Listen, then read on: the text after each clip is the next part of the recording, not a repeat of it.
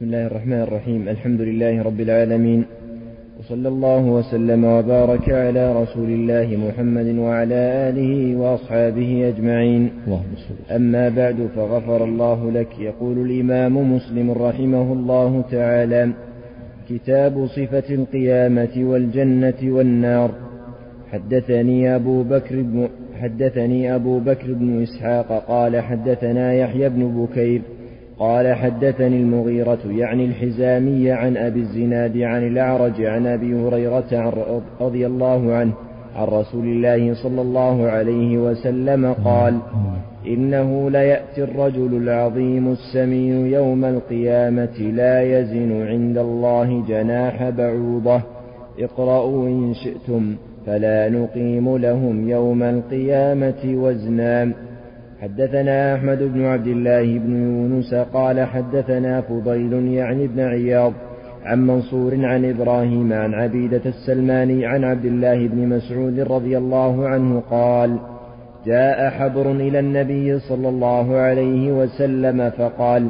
يا محمد أو يا أبا القاسم إن الله تعالى يمسك السماوات يوم القيامة على إصبع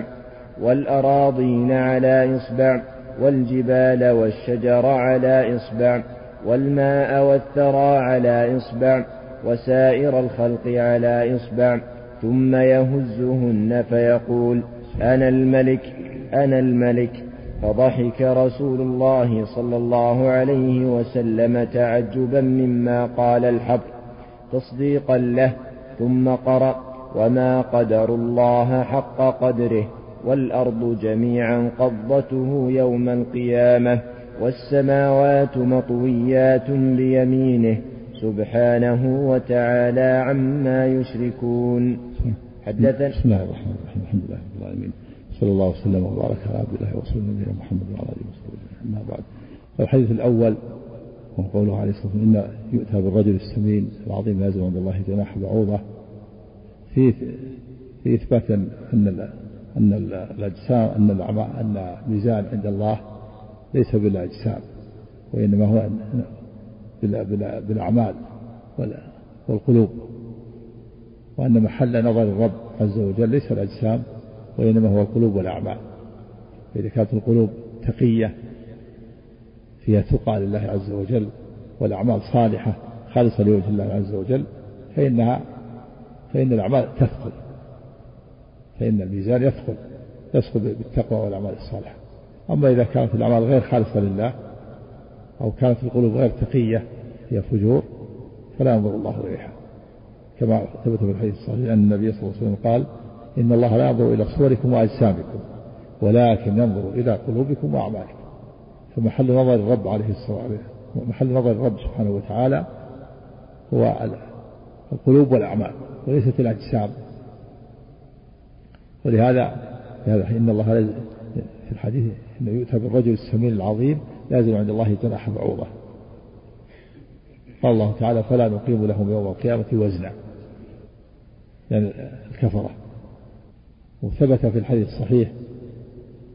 أن الريح كشفت عن ساقي عبد الله بن مسعود رضي الله عنه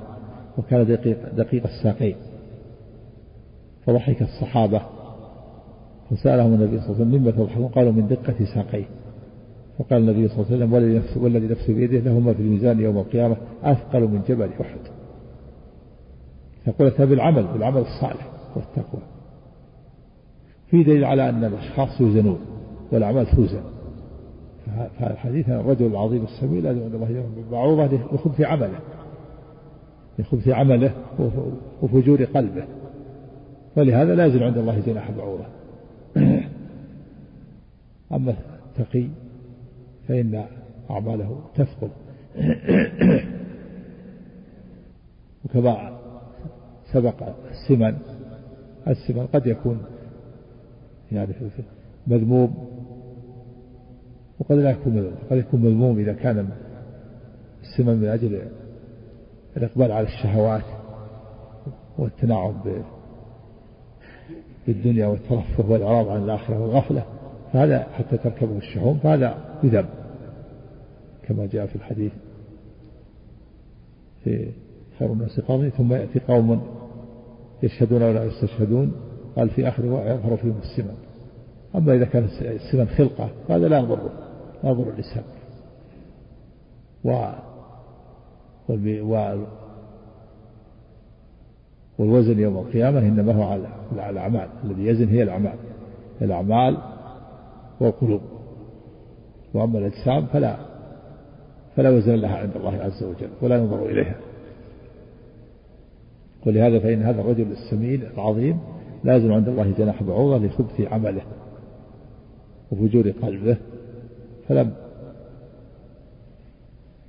ينتفع بعظام بجسمه وفي الحديث الثاني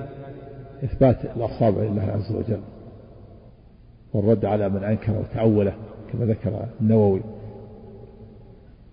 تأوله على القدرة وفيه إثبات خمسة أصابع لله عز وجل كما في هذا الحديث وضع السماوات على أصبع والأرض على أصبع والشجر والجبال على أصبع والماء والثرى على أصبع وسائر الخلق على أصبع ثم يهزون بيده فيقول أنا الملك أنا الملك وفي إثبات اسم الملك لله عز وجل هذا من الصفات من الأسماء المشتركة من أسماء, من أسماء الله المشتركة المخلوق يسمى الملك قال الله تعالى وقال الملك ائتوني به سخف نفسي ثم قرأ رسول الله وما قدر الله حق قدره والأرض جميعا قبضته يوم القيامة والسماوات مطويات بيمينه ثم قرأ رسول الله وما قدر الله حق قدره والأرض جميعا قبضته يوم القيامة والسماوات مطويات بيمينه في إثبات القبض والبسط لله عز وجل في إثبات القبض وفي إثبات اليمين لله عز وجل في الرد على من أنكر اليد أو تأولها المعتزلة الذين أنكروا صف الرب والأشاعرة الذي تأوله بالقدرة والنعمة وهذا من أبطال الباطل اليد صفة حقيقية لله ليست هي القدرة وليست النعمة وكيف يقولون في قول لما خلقت بيدي يقول بقدرتي أو بنعمتي القدرة تكون القدرة اثنتان أو قدرة واحدة والنعمة نعمتي هذا من أبطال الباطل فسر القدرة بالنعمة فكيف يفسرون لما خلقت بيدي خلقت بنعمتي أو بقدرتي فالقدرة لا تكون قدرتان ولا تكون نعمتان دل على بطلان هذا التأويل إشكال النووي على ذكر الله عنك قال هذا من أحاديث الصفات وقد سبق فيهما فيها المذهبان التأويل والإمساك عنه مع الإيمان مع والإمساك عنه مع الإيمان بها يعني التأويل هذا والإمساك عنه يعني التفويض تفويض وكلا المذهبان باطلان التأويل باطل والتفويض باطل نعم نعم مع اعتق... مع اعتقاد أن الظاهر منها غير مراد هذا باطل بل الظاهر مراد الظاهر إثبات اليد لله الصواب إثبات اليد لله عز وجل على ما يليق بجلاله وعظمته من غير تكييف وإمرارها كما جاءت وإثبات معانيها الظاهرة التي دلت عليها وهي الصفات والمنفي والتكييف نعم عفوا عنك فعلى قول المتأولين يتأولون الأصابع هنا على الاقتدار لا حول ولا قوة إلا بالله الداعي تأول على الاقتدار القدرة شيء آخر القدرة غير الأصابع ها. نعم عفوا عنك أي خلقها مع عظمها بلا تعب ولا ملل والناس يذكرون الإصبع في مثل هذا للمبالغة والاحتقار فيقول أحدهم بإصبعي أقتل زيدا أي لا كلفة علي في قتله وقيل يحتمل أن المراد أصابع بعض مخلوقاته هذا أصابع مخلوقاته الرسول يقول يضع على الأصبع يقول أصاب مخلوق بعض مخلوقاته لا حول ولا قوة إلا بالله نعم نعم وقيل يحتمل أن المراد أصابع بعض بعض مخلوقاته وهذا مخلوقاته وهذا غير ممتنع والمقصود أن يد الجارحة مستحيلة كل هذا هذا بل هذا ممتنع مراد أصابع الرب عز وجل ولا يقال إن لله ستة أصابع أو خمسة أصابع لأمرين الأمر الأول على ما جاء في حديث إن الله خلق آدم على صورته وآدم له في كل يد خمسة أصابع والثاني أن الصفات توقيفية لا يثبت شيء إلا إلا إلا بتوقيف والذي ورد أن الله خمسة أصابع نعم نعم نعم هذا من الصفات الفعلية ثم يهزون نعم أحسن الله عليك يعني يقول عبد الله نعم لا خمسة أصابع نعم عفى حدثنا عثمان بن أبي شيبة وإسحاق بن إبراهيم كلاهما عن جرير عن منصور بهذا الإسناد قال جاء حبر من اليهود إلى رسول الله صلى الله عليه وسلم الحبر هو العالم قال حبر فتح الحاء وكسر حبر من اليهود نعم جاء حبر من حبر من اليهود إلى رسول الله صلى الله عليه وسلم بمثل حديث فضيل ولم يذكر ثم يهزهن وقال فلقد رأيت رسول الله صلى الله عليه وسلم ضحك حتى بدت نواجذه تعجبا تعجبا لما قال تصديقا له ثم قال رسول الله صلى الله عليه وسلم وما قدر الله حق قدره وتلا الآية نعم. بعضهم أراد قال إن أن الرسول ضحك إنكارا لا تعجب الحديث يقول تعجبا ذكر عندك النووي أن هذا إنكار نعم. قال بعضهم إن هذا إنكار ذكر فلانك قال القاضي عياض وقال بعض المتكلمين ليس ضحكه صلى الله عليه وسلم وتعجبه وتلاوته للآية تصديقا للحبر بل هو رد لقوله كيف يكون رد صرح في الحديث التعجب الصحابة أعلم الناس بمقاصد النبي صلى الله عليه وسلم الصحابي يقول ضحك تعجبا وتصديقا يقول لا من هذا الإنكار ونأخذ بقول بعض المتكلمين يكفي أنهم متكلمون متكلمون وصفهم متكلمون وأنهم أعرضوا عن النصوص وصار وصفهم الكلام لا حول ولا قوة إلا بالله نعم قال فرانك بل هو رد لقوله وإنكار وتعجب من سوء اعتقاده فإن مذهب اليهود التجسيم لا حول ولا قوة إلا بالله لا حول ولا قوة إلا بالله هذا يجب على طالب العلم يعتني بمذهب السلف الصالح و السنة والجماعة فيه إثبات الصفات يحذر من إذا كان العلماء الكبار زلت بهم القدم هذا يجب على طالب العلم يعتني ويحمد الله ان وفقه لمعتقد اهل السنه والجماعه. نعم. عفى الله عنك. حدثنا عمر بن حفص بن غياث قال حدثنا ابي قال حدثنا الاعمش قال سمعت ابراهيم يقول سمعت علقمه يقول قال عبد الله رضي الله عنه جاء رجل من أهل الكتاب إلى رسول الله صلى الله عليه وسلم فقال يا أبا القاسم إن الله يمسك السماوات على إصبع والأراضين على إصبع والشجر والثرى على إصبع والخلائق على إصبع ثم يقول أنا الملك أنا الملك قال فرأيت النبي صلى الله عليه وسلم ضحك حتى بدت نواجذه ثم قرأ وما قدر الله حق قدره حدثنا أبو بكر بن أبي شيبة وأبو كريب قال حدثنا أبو معاوية حاء وحدثنا إسحاق بن إبراهيم وعلي بن خشرم قال أخبرنا عيسى بن يونس حاء وحدثنا عثمان بن أبي شيبة قال حدثنا جرير كلهم عن الأعمش بهذا الإسناد غير أن في حديثهم جميعا والشجر على إصبع والثرى على إصبع وليس في حديث جرير والخلائق على إصبع ولكن في حديثه والجبال على إصبع وزاد في حديث جرير تصديقا له تعجبا لما قال حدثني حرملة بن يحيى قال أخبرنا ابن وهب قال أخبرني يونس عن ابن شهاب قال حدثني ابن المسيب أن أبا هريرة رضي الله عنه كان يقول قال رسول الله صلى الله عليه وسلم يقبض الله تبارك وتعالى الأرض يوم القيامة ويطوي السماء بيمينه ثم يقول أنا الملك أين ملوك الأرض وحدثنا نعم فيه, إثبات هذه الصفات يقبض ويطوي بصفة الأفعال الله تعالى في إثبات اسم الملك وفي إثبات اليمين لله عز وجل نعم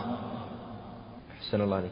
وحدثنا أبو بكر بن أبي شيبة قال حدثنا أبو أسامة عن عمر, عن عمر بن حمزة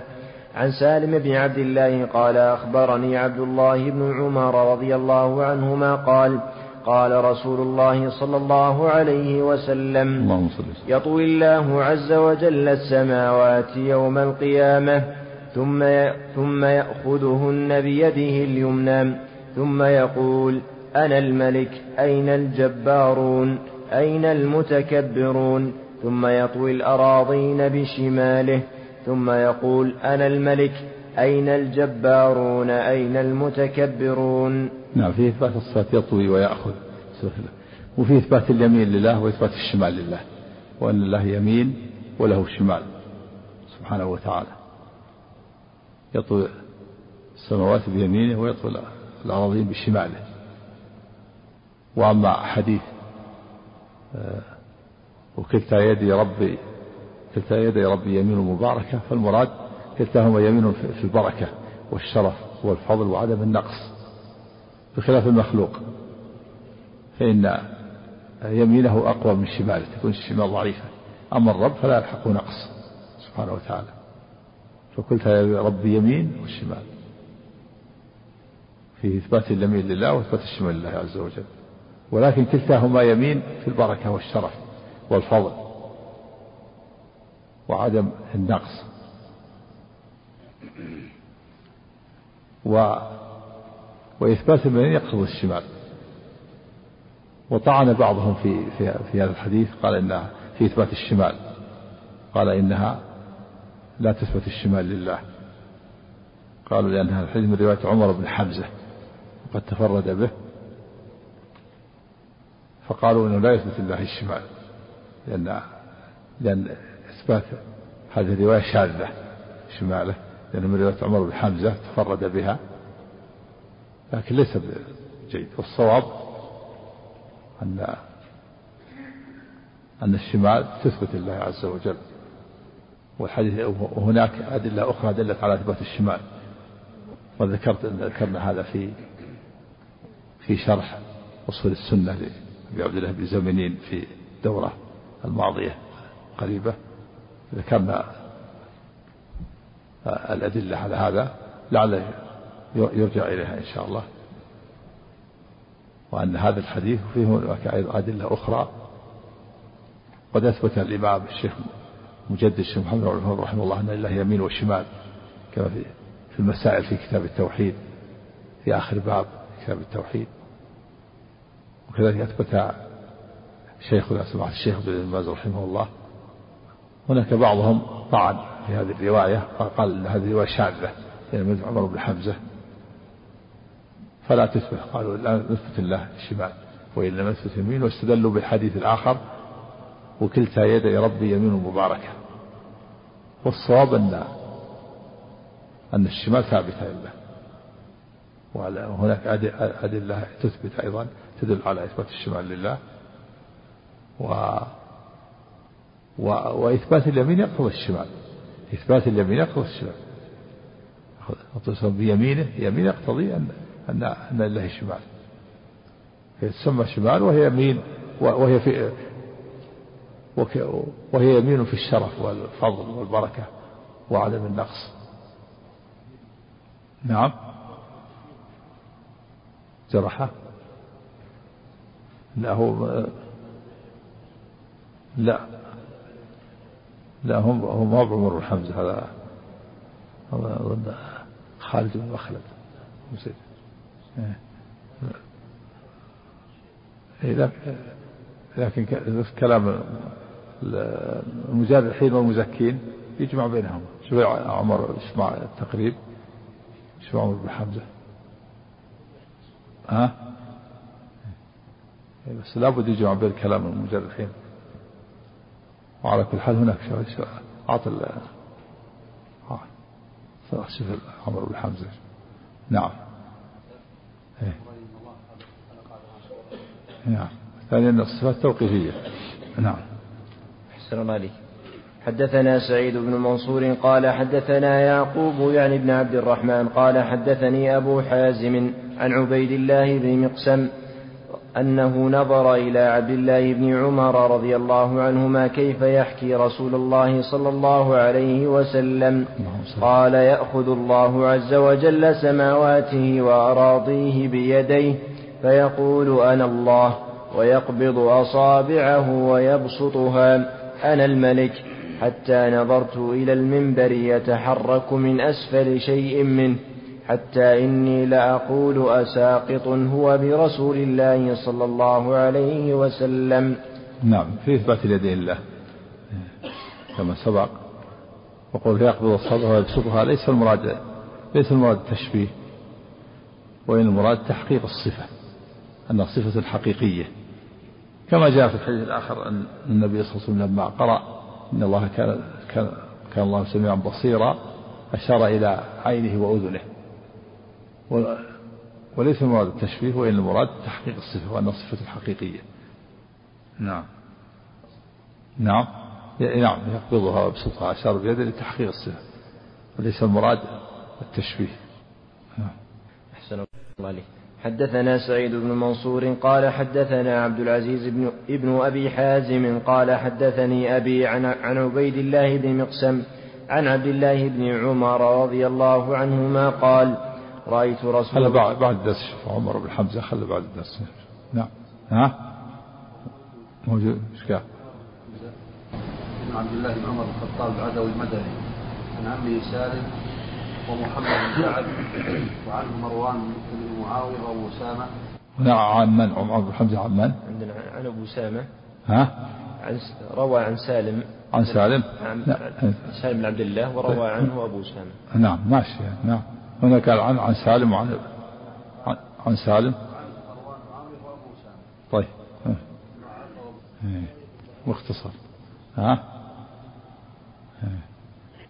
يعرف حلو الشواهد الشواهد هناك ما يؤيد نعم يحتاج الى الجمع تجمع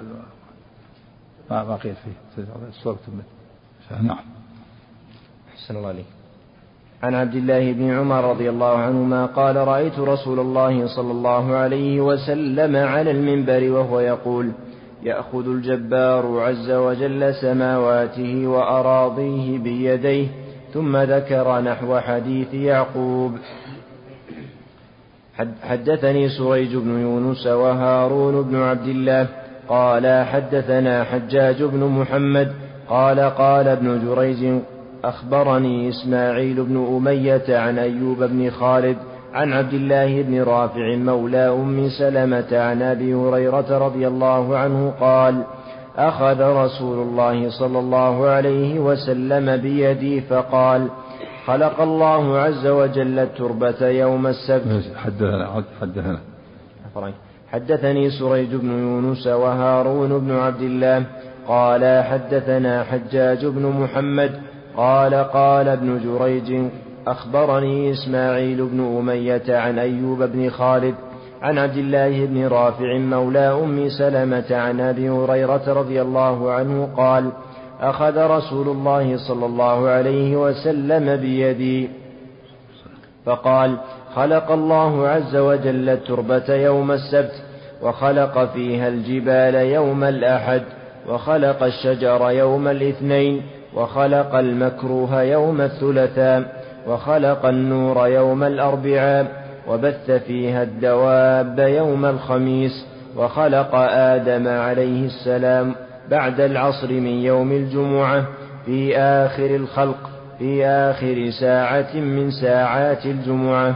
فيما بين العصر إلى الليل قال إبراهيم حدثني البسطامي وهو الحسين بن عيسى وسهل بن عمار وإبراهيم بنت حفص وغيرهم عن حجاج بهذا الحديث وهذا نعم، الحديث بين العلماء والمحققون أن أن هذا من من الأوهام من أوهام مسلم رحمه الله وهذا الحديث مخالف للقرآن الكريم فإن الله تعالى أخبر في القرآن الكريم أن الله خلق السماوات والأرض في ستة أيام فالله تعالى في سورة قاف ولقد خلقنا السماوات والأرض وما بينهما في ستة أيام وما مسنا من لغوب وهذه الستة أولها الأحد وآخرها الجمعة ويوم السبت ليس فيه خلق ولهذا قالت اليهود قبحهم الله إن الله خلق السماوات في ستة أيام أولها الأحد وآخرها الجمعة ثم تعب واستراح في يوم السبت فأنزل الله ولقد خلقنا السماوات والأرض تكذيبا لهم ولقد خلقنا السماوات والأرض وما بينهما في ستة أيام وما مسنا من لغوب ولهذا فإن اليهود يسبتون يعطلون العمل في يوم السبت بين قال بعضهم إن الوهم من أيوب بن خالد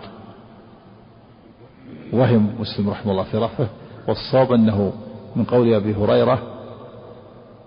من رواية أبي هريرة عن كعب الأحبار لا عن رسول الله صلى الله عليه وسلم وكعب الأحبار هذا من يهود اليمن أسلم أسلم في زمن, زمن عمر بن الخطاب رضي الله عنه وينقل عن بني إسرائيل كثيرا هذا مما نقل عن بني إسرائيل مما يخالف القرآن قال أن يوم السبت فيه خلق يوم السبت ما في خلق يوم السبت ما في خلق لكن هذا من من أوهام من أغلاط كعب الأحبار فليس مرفوع إلى النبي صلى الله عليه وسلم وإنما هو من عن أبي هريرة عن كعب الأحبار لا عن رسول الله فوهم بعضهم قال أيوب بن خالد قال قال بعضهم من الوهم من أيوب بن خالد فرفعه إلى النبي صلى الله عليه وسلم وهذا من الأوهام من الحروف التي غلط فيها الإمام مسلم رحمه الله ومن ذلك ما جاء في صحيح مسلم في قصة السبعين ألفا الذين يدخلون الجنة بغير حساب والعذاب قال فيه في بعض الرواية لا يرقون ولا يسترقون بين محققون كشيخ الإسلام تيمية أن قول لا يرقون وهم ما فيه لا يرقون لهذا في الرواية الثانية اللي نقلها الشيخ الإمام محمد بن الوهاب لا يسترقون ما فيه ولا يرقون وذلك وذلك لأن الراقي محسن كيف ما يكون من السبعين ألفا بخلاف المسترقي المسترقي طالب من الهمزة والسين والثالث طالب يطلب غيره أن يرقيه فهو فتميل إليه شعبة من قلبه بخلاف الذي يرقي فإنه محسن الذي يرقي الشخص ويقرأ عليه هذا محسن بخلاف المسترقي فإنه طالب طالب وسائل فلا يكون حكمهم واحد تكون لا يرقون وهم قال بعضهم من رواية شمالة هذه أيضا وهم رواية عمر بن حمزة أيضا بعد قالوا هذا من الأوهام لكن الصواب أن أن الشمال ثابتة لله دلت عليها أدلة أخرى نعم أحسن الله عليك حد حدثنا أبو بكر بن أبي شيبة قال حدثنا خالد بن مخلد عن, عن محمد بن جعفر بن أبي كثير قال حدثني أبو حازم ابن دينار عن سهل بن سعد رضي الله عنه قال قال رسول الله صلى الله عليه وسلم يحشر الناس يوم القيامة على أرض بيضاء عفراء كقرصة نقي ليس فيها علم لأحد نعم عفراء يعني تميل إلى الحمرة قرصة خبزة النقي الحنطة ليس فيها علم ليس فيها علي ليس فيها علامات يزول ما فيها من الأعلام والجبال نعم أحسن الله عليك حدثنا أبو بكر بن أبي شيبة قال حدثنا علي بن مسر عن داود عن الشعبي عن مسروق عن عائشة رضي الله عنها قالت سألت رسول الله صلى الله عليه وسلم عن قوله عز وجل يوم تبدل الأرض غير الأرض والسماوات فأين يكون الناس يومئذ يا رسول الله فقال على الصراط نعم يكون على الصراط وذلك هو الصواب أن التبديل بعد بعد النفخة بعد الصعق بعد نفخة النفخ في الصور وبعد موت الناس تبدل الأرض غير الأرض وأما المرور على الصراط فلن يكون بعد الحساب أحسن الله عليك حدثنا عبد الملك بن شعيب بن الليث قال حدثني أبي عن جدي قال حدثني خالد بن يزيد عن سعيد بن أبي هلال عن زيد بن أسلم عن عطاء بن يسار عن أبي سعيد الخدري رضي الله عنه عن رسول الله صلى الله عليه وسلم خير هذا السند الأول فيه خالد بن مخلد يقول ها هذا إيه. يعني خالد بن مخلد أيضا تكلم فيه ضعفه بعضهم ضعفه آه، الإمام أحمد قال أنه يروي مناكير وهو راوي حديث الأولياء رواه البخاري في صحيحه من عادى لي وليا فقد أذنته بالحرب تكلم فيه الحافظ بن حجر وقال انه في كتاب الرقاق من عهد لي وليا فقد أتوا بالحرب قال الحديث ضعف لكن له شواهد يكون به حسنا وكذلك خالد بن مخلد هنا أيضا ضعف لكن له شواهد يكون بها حسنا وهذا قليل نادر يعني في الصحيح لا الصحيح الأصل أنه أحاديث الصحيحين كلها صحيحة لا لا تنزل إلى درجة الحسن لكن هذا هذه الحروف الحديث القليلة نعم نادرة نعم،, نعم أحسن الله عليك نعم نعم يوم تبدل الأرض غير الأرض يوم تبدل الأرض أين يكون الناس قال يكون على الصراط وهذا بعدما موت بعد النفخ الصور بعد الموت بعد موت الناس نعم أحسن الله عليك حدثنا عبد الملك بن شعيب بن الليث قال حدثني أبي عن جدي قال حدثني خالد بن يزيد عن سعيد بن أبي هلال عن زيد بن أسلم عن عطاء بن يسار عن أبي سعيد الخدري رضي الله عنه عن رسول الله صلى الله عليه وسلم قال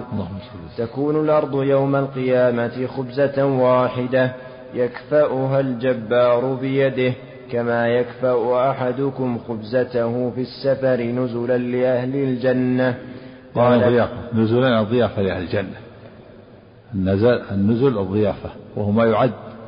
للضيف عند نزوله يسمى نزل قوله تعالى نزلا من غفور رحيم في المستقيمين ثم استقاموا تتنزل عليهم اولئك الا تخافوا ولا تحزنوا وابشروا بالجنه التي كنتم توعدون نحن اولياؤكم في الحياه الدنيا وفي الاخره ولكم فيها ما تشتهي انفسكم ولكم فيها ما تدعون نزلا من غفور ضيافه وهذه الارض تكون كل خبزه ضيافه لاهل الجنه تكفاها الجبار يعني يميلها من يد تكفاها الجبار في إثبات الجبار لله عز وجل وأنه من أسماء الله كما قال اسمه العزيز الجبار والتكفؤ هو هو الإمالة من يد إلى يد حتى تجتمع وتستوي الخبزة بخلاف القرص القرص فإنه مستوي أما الخبزة ويسمى يسمى الطلمة وهي كلمة, كلمة سريانية القرص يكون مستوي رقيق أما الخبزة فهي ما يضعها ما توضع في البل في البل وهي الحرارة التي تكون بعد النار يضعها المسافر خبزة في البل ويقال لها الطلمة ظلمة هذا كلمة سريانية فيميلها من يد إلى يد هكذا حتى تستوي في المسافة يأخذ الخبز يميله من يد إلى يد حتى تستوي بخلاف القرص فإنه يكون مستوي ويسمى المرقع وهو الرغيف والمرقع مستوي أما الخبزة فإنها تكون ما تكون وتكون آه، مستوية وإنما تكون مرتفعة فتحتاج من يميلها من يميلها من جنب إلى جنب من يد إلى يد حتى تستوي ويضعها في الملة في المل المسافر إذا أوقد النار في البرية وصار جمر يضع الخبز في المل نعم أحسن الله عليك قال فأتى رجل من اليهود الحديث إيه، الأول حديث عفوا حدثنا عبد الملك بن شعيب بن, بن الليث قال حدثني أبي عن جدي قال حدثني خالد بن يزيد عن سعيد بن أبي هلال عن زيد بن أسلم عن عطاء بن يسار عن, عن أبي سعيد الخدري رضي الله عنه عن رسول الله صلى الله عليه وآله وسلم قال تكون الأرض يوم القيامة خبزة واحدة يكفأها الجبار بيده كما يكفأ أحدكم خبزته في السفر إيه، نعم كما يكفأ ينبذها من يد إلى يد وهذا الله على كل شيء قدير الأرض تكون الأرض خبزة لأهل الجنة نعم حفظ عنك نزلا لأهل الجنة ضيافة نعم قال فأتى رجل من اليهود فقال بارك الرحمن عليك أبا القاسم ألا أخبرك بنزل أهل الجنة يوم القيامة يعني بضيافته نعم وذاك اليهود عندهم هم أهل الكتب قال هذا من الكتب التي عندهم الكتب السابقة التوراة نعم قال بلى قال تكون الأرض خبزة واحدة كما قال رسول الله صلى الله عليه وسلم قال فنظر إلينا رسول الله صلى الله عليه وسلم ثم ضحك حتى بدت نواجده قال تصديقا لقول الحظ كيف تكون الأرض تراب تكون خبزة الله على كل شيء قدير إنما أمره إذا أراد شيئا أن يقول له كن فيكون قادر لا يعجز شيء كما أنه خلقها وأوجدها من العدم خلق الإنسان من عدم صار إنسان قادر على أن يجعل الأرض خبزة وتكون ضيافة لأهل الجنة والأرض يعني معروف أنه واسع واسع واسعة الأطراف وأهل الجنة كثيرون تكون خبزة خبزة واحدة ضيافة لأهل الجنة نعم أحسن الله عليك قال ألا أخبرك بإدامهم قال بلى قال إدامهم بالام ونون قال وما هذا قال ثور ونون يأكل من زائدة كبدهما سبعون ألفا نعم هذا إدامهم بالام ونون النون هي الحوت بالام فسر فسر بأنه الثور ونون بالام هذه من لغة اليهود العبرانية ليست عربية ولهذا أشكل على الصحابة قال ما معنى أشكل ما معنى بالام قال ثور فسر بأن البالام هو الثور إدامهم ثور وحوت يأكل من زائدة كبدها سبعون ألفا زائدة كبدها القطعة المتعلقة بالكبد وهي أطيب شيء وألذ شيء الكبد أن يعني ترون الكبد الآن في قطعة صغيرة متعلقة زائدة كبد الحوت زائدة الكبد الجنة القطعة الزائدة يأكل منها سبعون ألفا قال بالام إدامهم بالام ونون بالام بالام بالام فسرها بأنها ثور ليست عربية ولا عبرانية تفسرها ثور فسرها بأنها ثور قال بعضهم ان هذا في تحريف وفي قلب وقال ان أن أصل الباء ياء وأصل الباء مقدمة من تأخير فتصل ف فاللام قبل الباء قبل اللام وإلا الياء أصلها باء واللام قبلها فتصير لا لا على وزن لعى وهي بقر الوحش أصل أصلها لأ على وزن لعى لعى لكن فقدم الباء قدمها على اللام وقلبها أصلها ياء فقلب الياء باء وقدمها على على على اللام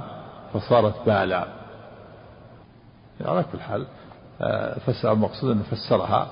فسرها بأنها ثور لما سئل قال ما وما وما ذاك قال ثور والنون هي الحوت وزائدة الكبد القطعة المتعلقة المنفردة المتعلقة بالكبد إيه قال ايش قال وما ايش؟ يعني وما, وما ايش وما إدامهم قال عفوا عنك ألا أخبرك بإدامهم قال بلى قال إدامهم بالام ونون قال قالوا وما هذا قال ثور ونون يأكل من زائدة كبدهما سبعون ألفا الله أكبر فتكون الأرض خبزة ضيافة لهم والإدام آه، ثور وحوت ويأكل من من زائدة الكبد القطعة المتعلقة بكبدهما سبعون ألفا نعم عفى الله عنك حدثنا يحيى بن يحيى بن حبيب الحارثي قال حدث يعني الطعام يحتاج إلى إدام فالطعام هو الخبزة الأرض الخبزة والإدام الثور والحوت نعم أحسن الله عليك حدثنا يحيى بن حبيب الحارثي قال حدثنا خالد بن الحارث قال حدثنا قرة قال حدثنا محمد عن أبي هريرة رضي الله عنه قال قال النبي صلى الله عليه وسلم لو تابعني عشرة من, عشرة من اليهود لم يبق على ظهرها يهودي إلا أسلم الله قيل المراد عشرة من أحبارهم وقيل غير ذلك والله أعلم نعم لصار الباقي تبعا لهم آمنوا هذا يدل على اليهود خبث عندهم خبث وإلى الآن ما يسلم من اليهود الآن أحد هل سمعتم أن أحد من اليهود أسلم في المكاتب الجاليات النصارى يسلم منهم جم الغفير الآن واليهود ما سمع أحد مسلم قلة عاد عبد الله بن سلام عدد قليل ولهذا لو قال لو لو أسلم عشرة تبعني عشرة لا أسلم بقية اليهود لو عاد الحديث لو قال عفوا عنك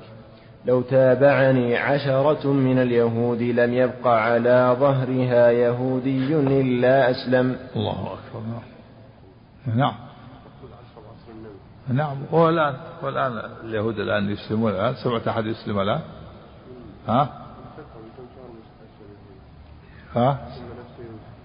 أسلم واحد واحد لكن أسلمت أسلم عشرة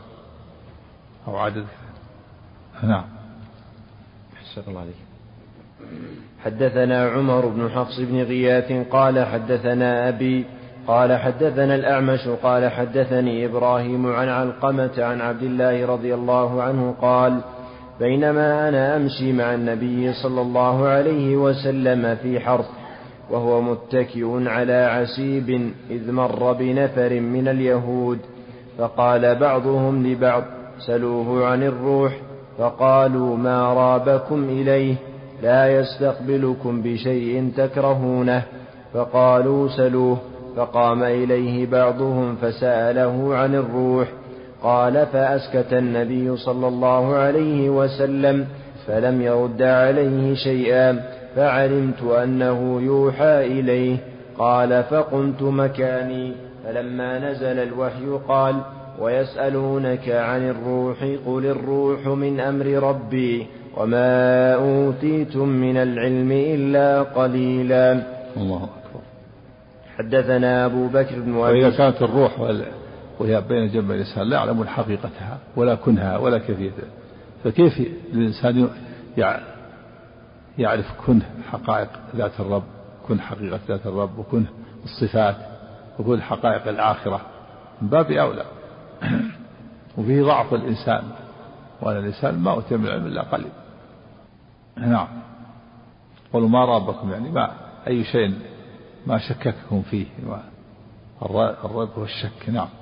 عفوا حدثنا أبو بكر بن أبي شيبة وأبو سعيد الأشد قال حدثنا وكيع حاء وحدثنا إسحاق بن إبراهيم الحنظلي وعلي بن خشرم قال أخبرنا عيسى بن يونس كلاهما عن الأعمش عن إبراهيم عن علقمة عن عبد الله رضي الله عنه قال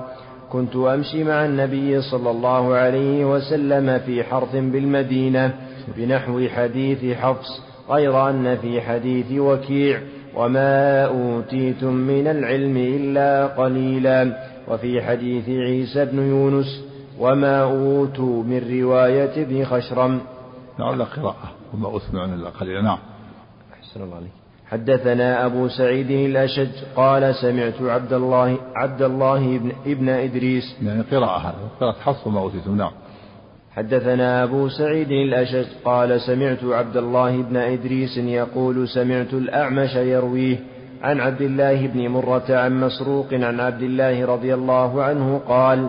كان النبي صلى الله عليه وسلم في نخل يتوكأ على عسيب ثم ذكر نحو حديثهم عن الأعمش وقال في روايته وما أوتيتم من العلم إلا قليلا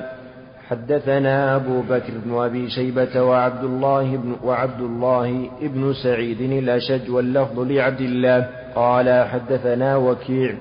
قال حدثنا الأعمش عن أبي الضحى عن مسروق عن خباب قال كان لي على العاص بن وائل عن مسروق عن خباب رضي الله عنه قال بارك نعم الله أعلم لا محتمل نعم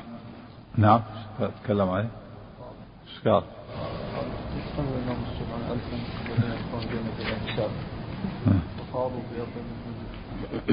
وفاء ايش؟ وفاقوا ويحتمل انهم أنه عبرت بالسبعين ألفا عن العدد الكثير ولم ولم يوجد الحصر في ذلك قبل إيه. وهذا معروف في كلام العرب والله أعلم الله أعلم محتمل نعم